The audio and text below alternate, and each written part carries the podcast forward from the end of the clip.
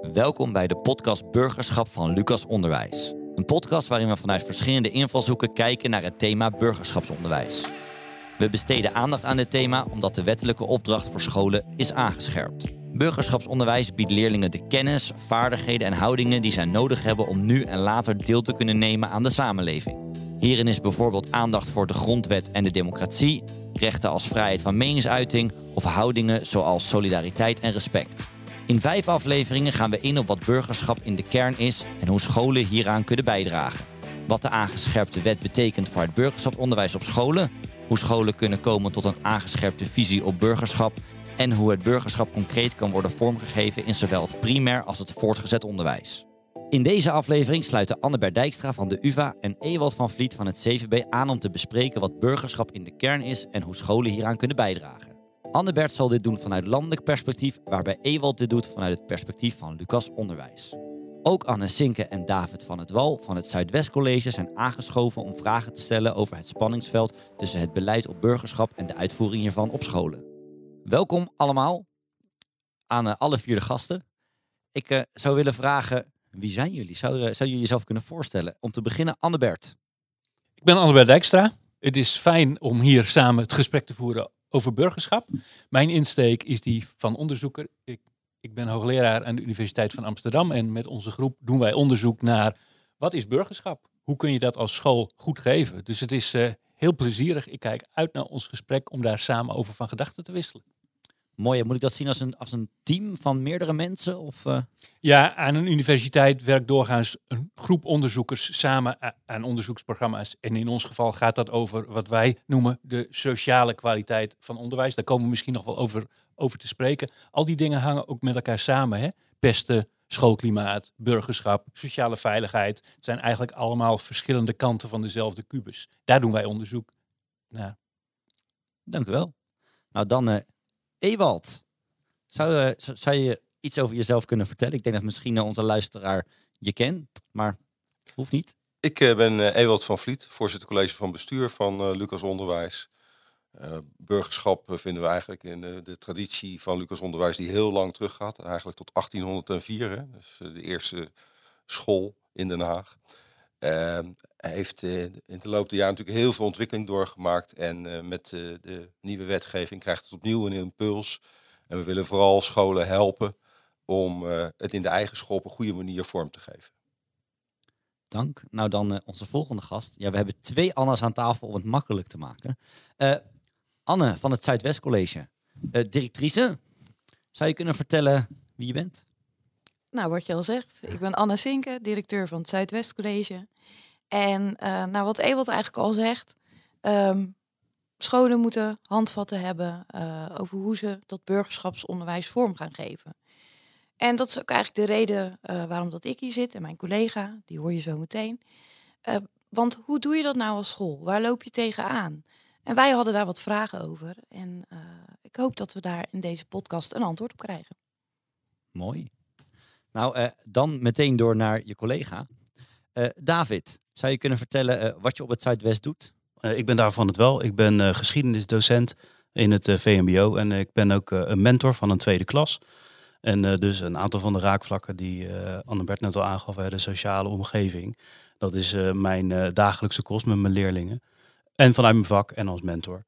geschiedenis gaat natuurlijk ook, daar komt het burgerschap al bij de oude Grieken naar voren. En, ja, en als mentor hebben we ook te maken met de positieve en soms ook negatieve dingen die daarbij komen kijken. Dus vandaar dat ik het ook heel fijn vind om hier te mogen aanschuiven vanavond. Dankjewel. Nou, Annebert, ik ben benieuwd. Um, ja, ik, toen ik klein was, zou ik niet denken, nou, ik word later onderzoeker over burgerschap. Dus blijkbaar zit daar een diep gewortelde passie achter. Zou je daar iets meer over kunnen vertellen?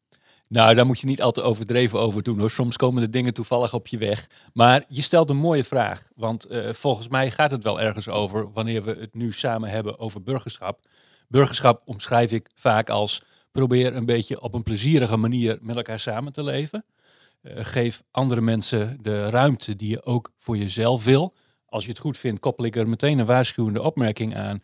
Ik denk wel eens dat het begrip burgerschap het gesprek geen goed doet. Dan lijkt het iets ingewikkelds, iets abstracts. Het is iets wat ook Lucas scholen, denk ik, nou ja, je zei het al Ewout, uh, Ewout al jarenlang doen, het opvoeden van jonge mensen. En waar, uh, waarom ik burgerschap zo'n belangrijk thema vind, is, je staat er niet elke dag bij stil, gelukkig maar, maar het is een voorrecht om samen in een open, democratische samenleving te leven. En je vergeet nog wel eens dat dat allerminst vanzelf spreekt. Michel de Winter zei een keer heel mooi, democratie komt niet uit de lucht vallen. Dat zit niet in het kraanwater. Het is goed dat aan jonge mensen mee te geven. En ja, ik denk dat wij, ik zie jullie knikken, dat zien de mensen die luisteren niet. Maar ik denk dat wij het allemaal een voorrecht vinden om daaraan te mogen werken. Dat is voor mij de drive om onderzoek te doen met een hele groep mensen naar burgerschapsonderwijs. Hoe kun je dat als school zo goed mogelijk doen? Die mooie taak.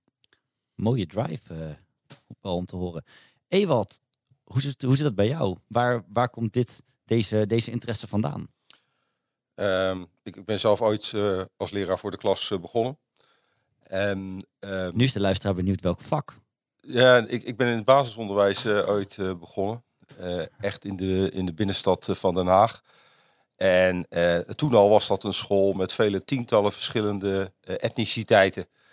En um, als je ergens merkte dat verschillende culturen, verschillende gewoontes, verschillende verwachtingen bij elkaar komen, dan was dat op die school.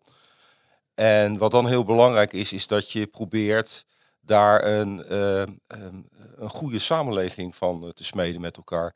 En toen heb ik gemerkt hoe belangrijk het is, wat Annabert zegt, om dat te leren. Dat gaat niet, dat, gaat, dat is niet uh, vanzelf. hoe ga je met elkaar om? Hoe respecteer je een ander? Als je een meningsverschil bent, hoe spreek je dat dan uit? Hoe kom je tot besluitvorming? Hoe zorg je dat ieder stem gehoord wordt, ook van degenen die misschien wat minder verbaal begenadigd zijn? Uh, dat is heel klein. Uh, en naarmate je natuurlijk meer ervaring doet, later ben ik in de politiek ook twintig jaar actief geweest. Nou, dan zie je dat soort processen natuurlijk op een, een andere schaal. Maar het begint klein vaak. Het begint in de klas, in de interactie tussen leraar en leerling. En leerlingen onderling vooral heel erg belangrijk. en een sfeer in een school doet ertoe. Nou, dat is een mooie. En dat is een mooi bruggetje ook uh, naar Anne. Want sfeer in de school doet dat toen. Nou ja, uh, hoe zit dat bij jou met burgerschap? En hoe zit dat misschien ook al wel een beetje in de school dan? Uh, voel je dat ook? ja, dat voel je zeker. En, alles draait om sfeer. Want als je het over burgerschap hebt, dan heb je het over hoe ga je met elkaar om. Um, misschien wel leuk om te vertellen. wij zijn als Zuidwest College al een tijdje uh, actief bezig met het burgerschapsonderwijs. En in eerste instantie zat daar heel veel weerstand. Zo van, oh, er wordt weer iets bedacht, er wordt ons weer iets opgelegd, we moeten weer ergens beleid op gaan schrijven. Uh, dus eigenlijk zuchtend uh, begonnen we te kijken van, oké, wat wordt er van ons verwacht? Wat zijn nu de, de eisen? Waar moet je aan voldoen? En toen we begonnen te lezen, kwamen we erachter van, hé, hey, maar we doen al heel veel aan burgerschap. En dat zit hem dan in, uh, in soms hele kleine dingen, maar dat kan ook in grotere acties zijn op een school.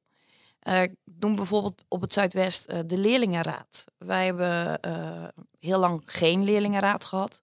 Of een leerlingenraad die actief is op papier eigenlijk. Want ja, je moet hem hebben, dus als je hem opschrijft heb je hem. Een slapende leerlingenraad. Ja, dat inderdaad. maar hey, het is wel leuk om te zeggen, die leerling zit in de leerlingenraad. Maar tegenwoordig hebben we een hele actieve leerlingenraad. Uh, en juist bij uh, de school uh, waar David en ik werken, is het zo belangrijk dat de leerlingen voelen dat ze ertoe doen en dat ze ook echt iets in de melk te brokkelen hebben. bij VMBO'ers moet je dat toch altijd net wat meer stimuleren. Um, maar je moet ook succeservaringen mee laten maken. En bijvoorbeeld uh, leerlingen die wilden watertaps, want ze wilden uh, duurzamer tappen en een eigen fles daarbij. Ja, vonden we fantastisch natuurlijk. Dat hebben we ook geregeld voor ze. En je zag die raad ook van, oké, okay, we hebben dit plan ingediend en we hebben gezegd wat het gaat kosten. En nu wordt het ook werkelijkheid. En dat, is, dat heeft die leerlingen heel erg um, gesterkt. Zo van, oké, wij, wij doen ertoe. Wij vragen iets, wij leggen het uit en het kan. En dat is iets wat, wat je ze wel moet leren. Uh, en dat voel je ook in de school. Want dat merk je nu ook gewoon in de sfeer. Uh, andere leerlingen die niet in de raad zitten, gaan actief naar de leerlingenraad toe, vragen dingen aan. Kunnen natuurlijk niet op alles ja zeggen. Maar je gaat wel het gesprek aan.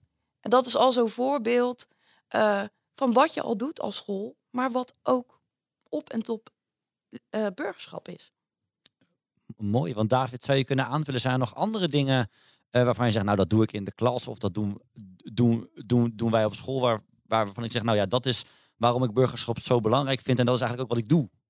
Ja, nou ja, de voorbeelden die Anne inderdaad net gaf, dat zijn natuurlijk dat schoolbreedte en leerlingenraad in de klas ehm, is denk ik bij heel veel mensen ook wel uh, al bekend hier aan tafel. Maar ik denk dat degene die uh, luistert naar ons, dat ook wel weet dat het motiveren van leerlingen vaak ook met keuzes en, uh, en zichtbaarheid te maken heeft. Een leerling die zich niet gezien voelt, voelt zich niet betrokken. En dat is denk ik ook wel de kern van burgerschap. Dus in die klas, uh, vanuit die relatie, heeft onder druk gestaan, denk ik ook, afgelopen periode. Dus misschien dat daarom een hoop collega's nu ook denken van, oh, hoe gaan we dat dan aanpakken, dat burgerschap?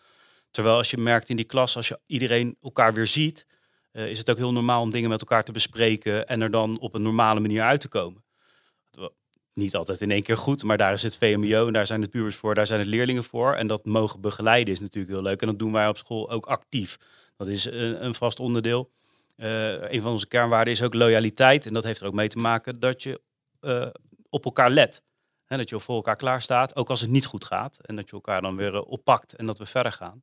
En no hard feelings. En komt dat nog op een bepaalde manier tot uiting? Het, het... Ja, op heel veel verschillende manieren. Oh, uh, maar in uh, de, de leerlingenraad is dan een hele grote. En betekent ook tijdens mentoruren of als er dingen worden besproken. Wat gaat er naar de leerlingenraad toe? Wat, gaat, uh, wat gaan we aanbieden? Waar gaan we het over hebben? Wat, maar ook met keuzes in hoe, wat gaan we vandaag doen in de les?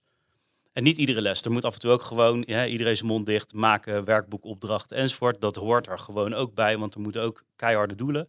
Uh, maar er is ook ruimte, omdat we weten dat dat leerlingen motiveert. Dat als zij mogen bepalen wat ze gaan doen en hoe ze het gaan leren en wat ze ervoor uh, gaan inleveren, uh, ja, dan gaan ze gewoon vaak ook een stuk harder.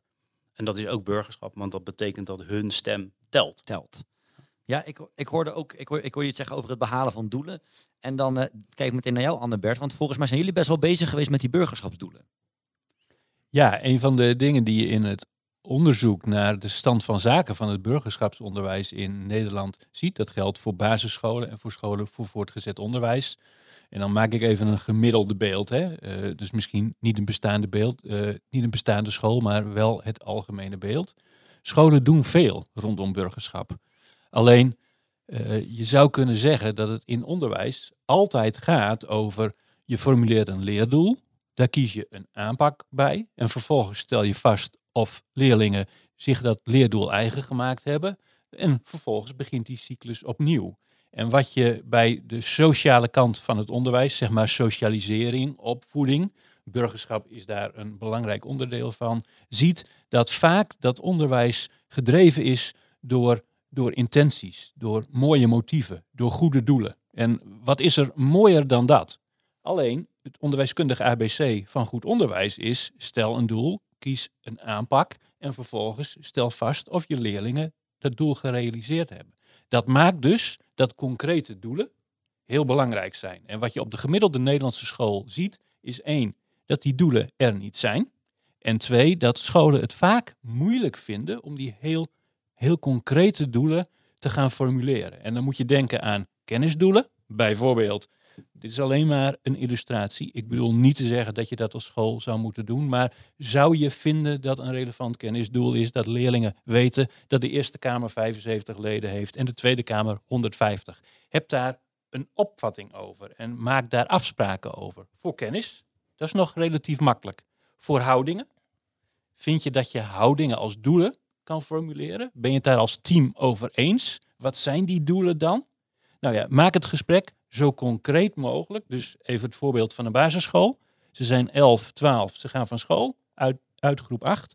Kun je nu concreet formuleren wat de leerdoelen zijn waarvan je vindt dat zijn de jonge mensen die wij de wereld naar het vervolgonderwijs in willen laten gaan. Dat is verdraaid lastig, maar het is misschien wel een van de punten waar je de ontwikkeling van je burgerschapsonderwijs zou kunnen beginnen. Laatste zin daarover met een heel concreet voorbeeld heb het gesprek over wat vind je nu de top drie van de houdingsdoelen die je je leerlingen zou willen bijbrengen. Heb daar het gesprek over samen. Het zijn verrijkende gesprekken en het helpt je onderwijsontwikkeling heel veel verder.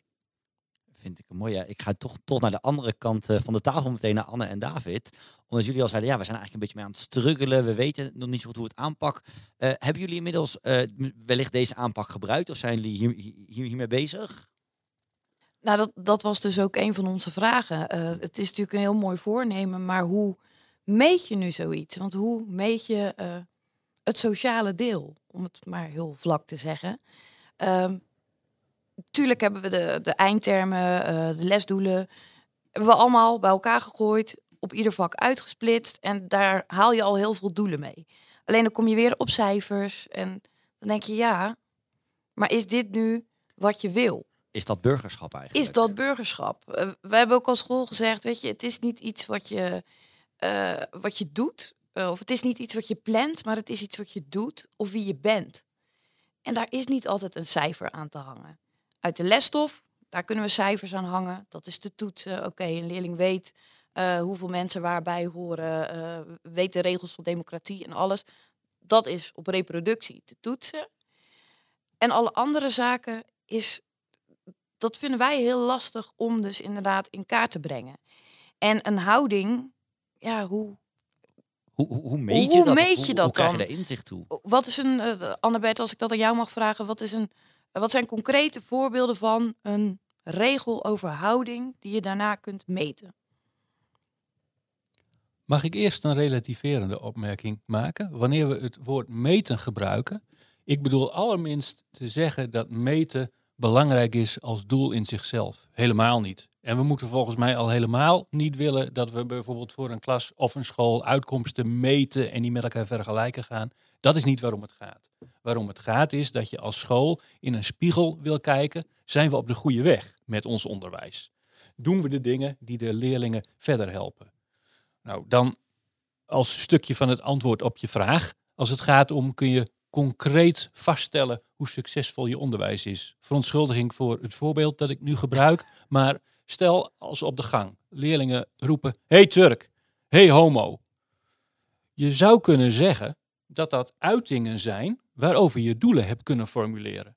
Dus wanneer je als team afgesproken hebt dat je op een bepaalde manier met elkaar omgaat, kan ik me voorstellen dat je ook afspraken hebt over hoe doe je dat pedagogisch.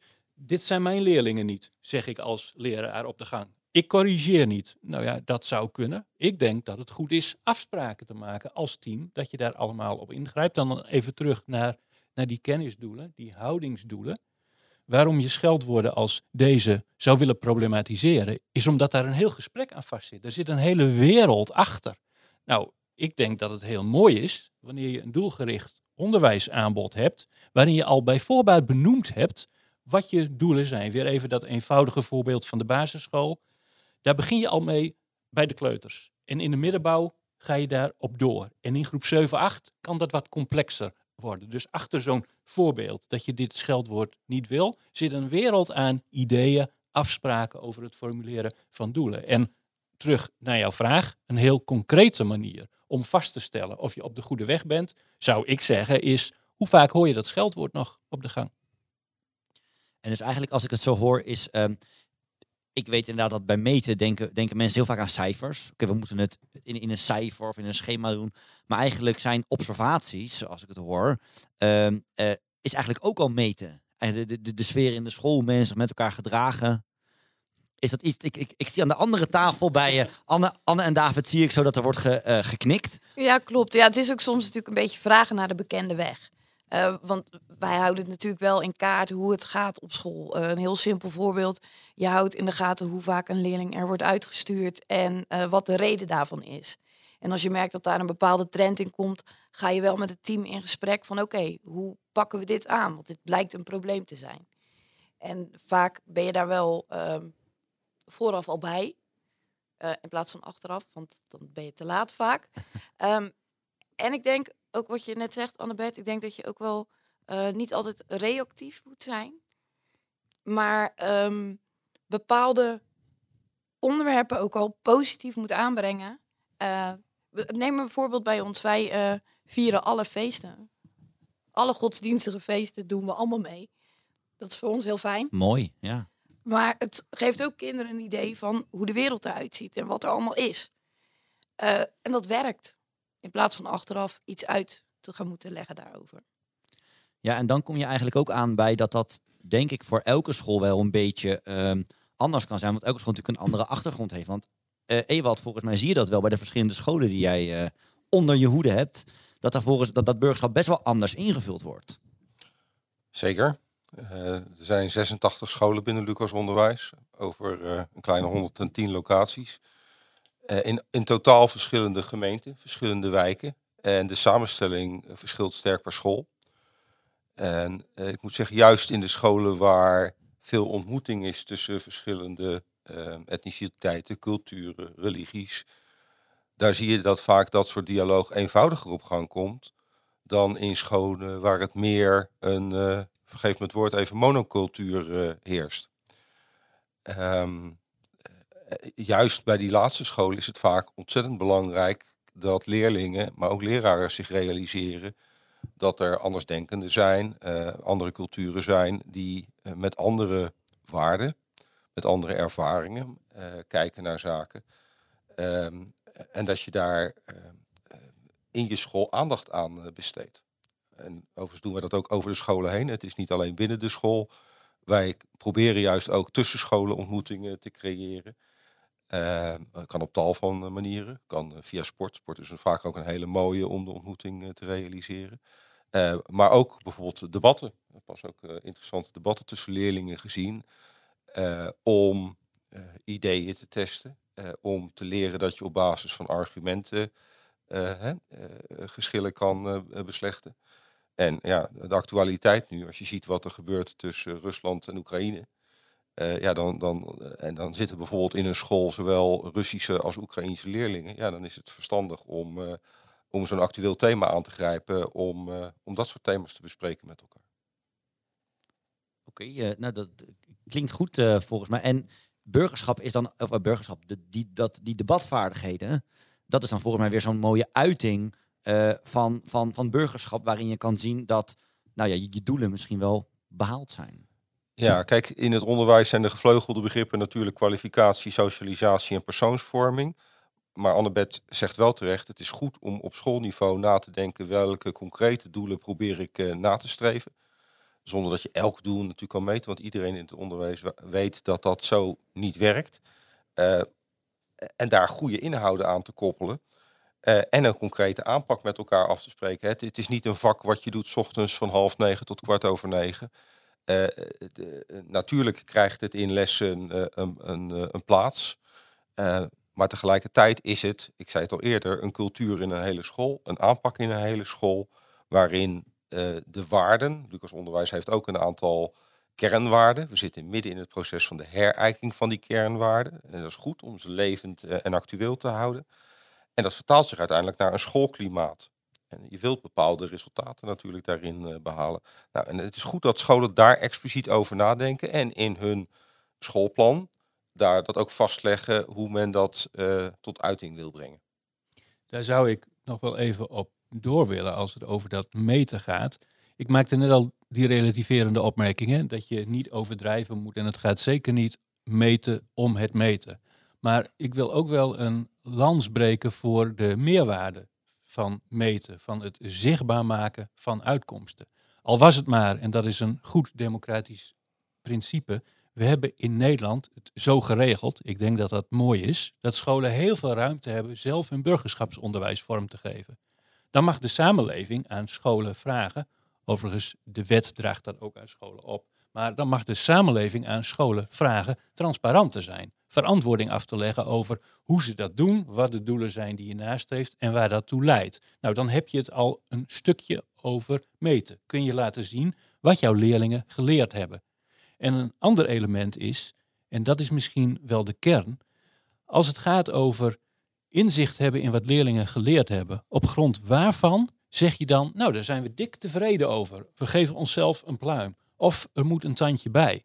Dat zou, denk ik, niet afhankelijk moeten zijn van de toevallige leraar. Ik weet niet hoe David daarover denkt en of jij met collega's praat over hoe jij normeert, maar het geeft aan dat eigenlijk je het wil hebben over ik zeg het een beetje abstract, normen, een niveau wat je afgesproken hebt over wanneer je tevreden bent. En het mooie van op een gestandaardiseerde manier, zeg maar met een meetinstrument, wat leerlingen geleerd hebben in kaart brengen, is dat het veel gemakkelijker wordt om het gesprek te voeren over hoe goed staan we er eigenlijk voor. Want je trekt het bij de individuele docent, bij de individuele school vandaan, niet om te zeggen foei, vijf min, nee, om het gesprek te hebben over hoe tevreden zijn wij nu over. En als we onszelf vergelijken met de school een stukje verderop, in dezelfde wijk, dezelfde populatie, en wij scoren heel anders dan zij, dan kun je van elkaar leren om in gesprek te gaan. Dat is waarom het bij meten gaat. En dat maakt vervolgens dat als je naar de inhoud kijkt van meten, het misschien best goed is om ook eens te overwegen of je dat niet met een vragenlijst wil doen. En wat ik wel eens merk, ik weet helemaal niet of jullie, uh, of jullie dat herkennen, ben ik ook wel nieuwsgierig naar. Wat ik wel eens merk is dat als het gaat over deze sociale dingen, meten eigenlijk op grote achterstand staat. Dat dat een beetje een vies besmet woord is. Zo van je zou niet moeten willen meten, dat kan ook helemaal niet op dit domein. Dan denk ik dat het goed is om samen vooral het inhoudelijke gesprek te voeren over hoe weet je nu of je op de goede weg bent. Hoe kun je daar iets objectiefs over zeggen. En hoe je dat vervolgens doet, ik maakte die relativerende opmerking. Ga meten niet verabsoluteren, maar het is zo'n mooi hulpmiddel. Nou, als ik, uh, mag ik heel even reageren op, uh, want wij hebben natuurlijk best wel wat meetinstrumenten die we inzetten. Uh, Anne die schrijft net even gauw op, denk jij ook aan Saki? Ja, nee, dat, maar dat is een van die dingen die dan naar boven komt. want wij hebben heel veel instrumenten en wij hebben ook een taal op school om te praten over de waarde van het meetinstrument. Wij, wij hebben een taxonomie waar we mee bezig zijn aan het uitrollen. RTTI, dat gebruiken we voor de toetsen, dus voor het kennisdeel, maar ook voor het sociale deel. dat is het OMSA. het gaat over gedrag van de leerling, wat je in kaart kan brengen. Dus dat zijn zeker dingen waar wij onderling over praten. En daar hebben we zelfs een, ons een taal voor aangeleerd. zodat we weten waar we het over hebben, ook al geven we misschien een ander vak. Dus die waarde wordt denk ik op een hele hoop scholen ook echt wel onderkend. Tegelijkertijd was een van de zorgen waar, waar wij mee kwamen toen we voor de eerste keer met z'n allen aanschoven over dit onderwerp, was van um, als je, hoe meet je een burger en wanneer is een burger dan voldoende? Uh, en, en dat was een van de dingen waar bij mij, en we hadden helemaal in het begin over een klein stukje weerstand, dat je denkt, oeh, maar kan je dan ook uh, tekortschieten als burger? en ja, en dat is dan weer de andere kant waarom op scholen, wat bij mij in ieder geval zo werkt, dat je ook wel eens binnen al die taxonomieën nog denkt van oké, en waar is dan de ruimte voor uh, de individu, voor de persoon? Um, en dat, dat is denk ik wel het raakvlak. En dat is ook, want er stond ook al uh, de spanningsvlakken uh, en de spanningen die er waren in dit soort dingen. Van tussen meten en observeren. Wanneer ben jij tevreden als jouw leerlingen zich op de gang op een goede manier? En kunnen we dat wel vergelijken met een school die heel anders in elkaar zit? Waar misschien ze het vanzelfsprekender vinden dat de leerlingen een idee hebben over burgerschap dan op een, op een school waar je daar veel actiever mee aan de slag moet en dat moet benoemen. Ook omdat dat het niet oké is om bepaalde woorden te gebruiken. Ja, maar waarom dan niet? Dat doen ze op de voetbal toch ook, meester. En, dus ik ben zeker voor meten. Observeren denk ik met op het VMBO de onderbouw nog wel meer. Even kijken, doen ze het leuk samen? Is ook gewoon burgerschap en een hele positieve manier. En dat is dan inderdaad niet een hele harde tabel. Maar dat zien we ook bijvoorbeeld bij sommige van die lijsten. Dan gaan leerlingen denken, hoeveel vragen moet ik nog meester? En uh, ik denk dat ik al klaar ben. Want ja, zij hebben toch ook hun eigen idee over gemeten worden. En dat, en ja, dat is ook hun recht gelukkig in Nederland. Is dat een beetje wat je in gedachten had? Als, ja, je geeft mooie voorbeelden, denk ik. Ik denk dat je op een heel aansprekende manier illustreert hoe je het beeld dat je van leerlingen op wil halen gebruiken kunt. Dat is inderdaad waarom het gaat. En uh, nogmaals, laat metingen niet buikspreken. Maar misschien kan ik een voorbeeld noemen van een andere school in een van de grote steden van ons land. Uh, het gaat om een VO-school. Uh, het is niet een van de Lucas-scholen. Laat ik de luisteraar op dat punt geruststellen. Maar die school vond dat ze een redelijk beeld hadden van xenofobe opvattingen van hun leerlingen. Zijn er allerlei vooroordelen en ja, niet feitelijke ideeën over andere groepen, discriminatie. je kunt je er wat bij voorstellen. En toen heeft die school aan een meting meegedaan en op rond Nederlands gezegd, ze schrokken zich rot van die uitkomsten. Ook in vergelijking met andere scholen, dat wat die school dacht van ja, dit hoort bij onze populatie en we doen ons best, bleek aanmerkelijk negatiever te zijn dan op veel andere vergelijkbare scholen. Die school heeft het onderwijsaanbod aangepast. Die is daar gericht op gaan zitten met allerlei activiteiten. En vervolgens van jaar op jaar op, op jaar zijn diezelfde houdingen in opeenvolgende klassen leerlingen gemeten. En de school heeft die gegevens gebruikt om bij te sturen in het aanbod. En de school zag na verloop van tijd dat die xenofobe opvattingen afnamen. Nou, dat is denk ik een goed voorbeeld van de waarde die gestandaardiseerd meten kan hebben. Je bent niet alleen afhankelijk van wat je zelf als docent ziet, hoe belangrijk ook. Dus begrijp me, nogmaals, begrijp me niet verkeerd. Natuurlijk moet je observeren. Wil je in de relatie leraar-leerling uh, in essentie nagaan hoe het ervoor staat. Maar ik denk dat een leraar dat op het niveau van een klas en zelfs binnen een school het niet altijd meevalt om een goed beeld te krijgen van waar je staat. En dan kan het veel helpen om, om daarvoor ook instrumenten te gebruiken. En wat ik zie, je noemde net, David, een voorbeeld van een meetinstrument. Wat ik zie is dat als scholen instrumenten gebruiken, dat vooral aan de sociale kant van burgerschap zit. Zeg maar, hoe ga je in het klein met elkaar om? Maar de maatschappelijke kant, laat staan een van de dingen die de wet van scholen vraagt, het bevorderen van basiswaarden, gelijkwaardigheid, niet discrimineren, ja, de maatschappelijke kant van burgerschap zit vaak niet in die instrumenten. En dat is wel een gemiste kans. En oh ja. Ja, Annebert, ik kan me voorstellen dat scholen zeggen van, maar waar vind ik die instrumenten dan? Hè? Um, want sommige kunnen ze zelf bedenken. Maar ik kan me ook voorstellen dat voor sommige scholen het zo'n zoektocht is dat ze ja, geholpen kunnen zijn met dat soort instrumenten. Nou, vanuit de universiteit kan ik me zomaar voorstellen dat jullie een aantal van dat soort instrumenten kent. En dat die ongetwijfeld ergens vindbaar zijn. Ja, weet je, dan kun je het glas half vol of het glas half leeg noemen. Laten we met half leeg... Wij zijn altijd van het half volle glas oh. bij Lucas Onderwijs. Ik wou zeggen, laten we met het half lege glas, uh, glas beginnen. Want dit is ook wel een aandachtspunt. Namelijk, het valt niet mee die maatschappelijke dingen in kaart te brengen. Ehm, ik noemde net al even dat ook de overheid aan scholen vraagt resultaten in kaart te brengen. De overheid zegt dat scholen dat op een manier kunnen doen die bij ze past. Dus je kunt aan een leerlingvolgsysteem denken, je kunt aan, uh, aan een portfolio denken, aan rubrics. Het kan op allerlei manieren. Het kan ook gestandaardiseerd. Uh, er zijn nog niet zo heel veel instrumenten beschikbaar. Ik noem drie concrete voorbeelden. Er zijn momenteel twee grote landelijke onderzoeken naar burgerschap. Het een heet ADKS en het ander heet ICCS. Ik denk dat dat het uh, uh, een redelijk veilige voorspelling is om te zeggen dat een aantal Lucas-scholen aan die onderzoeken meedoet. Gezien hoeveel scholen er landelijk zijn. Als je daaraan meedoet, geeft dat een heel mooi voorbeeld van hoe je burgerschap competenties, kennis, houding, vaardigheden in kaart kunt brengen. En het derde voorbeeld, dat is een mogelijkheid waar alle scholen die dat willen gebruik van kunnen maken. Dat is een meetinstrument dat burgerschap meten heet. Elk voorjaar kunnen alle scholen die dat willen uh, daarvan gebruik maken. Als je naar de site, ja, ik wil geen reclame maken, dus knip het er maar uit. Als u nu piep hoort, is het eruit geknipt. Maar uh, Rovik is een ICT-dienstverlener die burgerschap meten aanbiedt. En ik durf deze opmerking te maken, omdat er maar één meetinstrument is momenteel in Nederland die voor scholen vrij beschikbaar is. Als er andere instrumenten waren, althans voor zover ik weet, zou ik ze zeker noemen. Die gaan de komende jaren wel komen. Ja, dat lijkt me ook zo met de, met de nieuwe wet. Ja, in, interessant gesprek. Zo, het zet mij wel aan het denken is dat ik bij, bij meten van dit soort dingen altijd eigenlijk op de een of andere manier denk aan, oeh, we moeten het meten voor iemand, want iemand gaat ons afrekenen. Dat is misschien ook wat wat ja, jij als luisteraar misschien wel denkt. Terwijl ik eigenlijk denk, volgens mij is het doel van dat meten eigenlijk informatie ophalen van hey, waar zitten nou nog kansen om uh, bij te sturen, aan te passen of ook met elkaar successen te vieren van ja, wat doen we eigenlijk al goed met z'n allen? Wat zijn we eigenlijk toch best wel goed werk aan het doen? Dus dat heeft mijn perspectief in ieder geval uh, best wel verbreed. Dus dank daarvoor voor dit ontzettend mooie gesprek.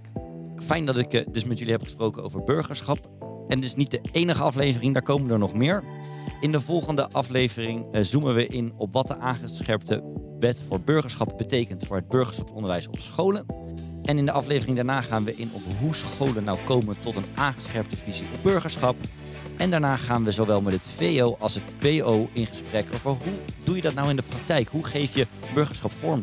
Dus uh, mocht je deze, burg, uh, deze podcast hebben gewaardeerd, dan heb je er nog een aantal te gaan. Dank voor het luisteren en tot de volgende keer.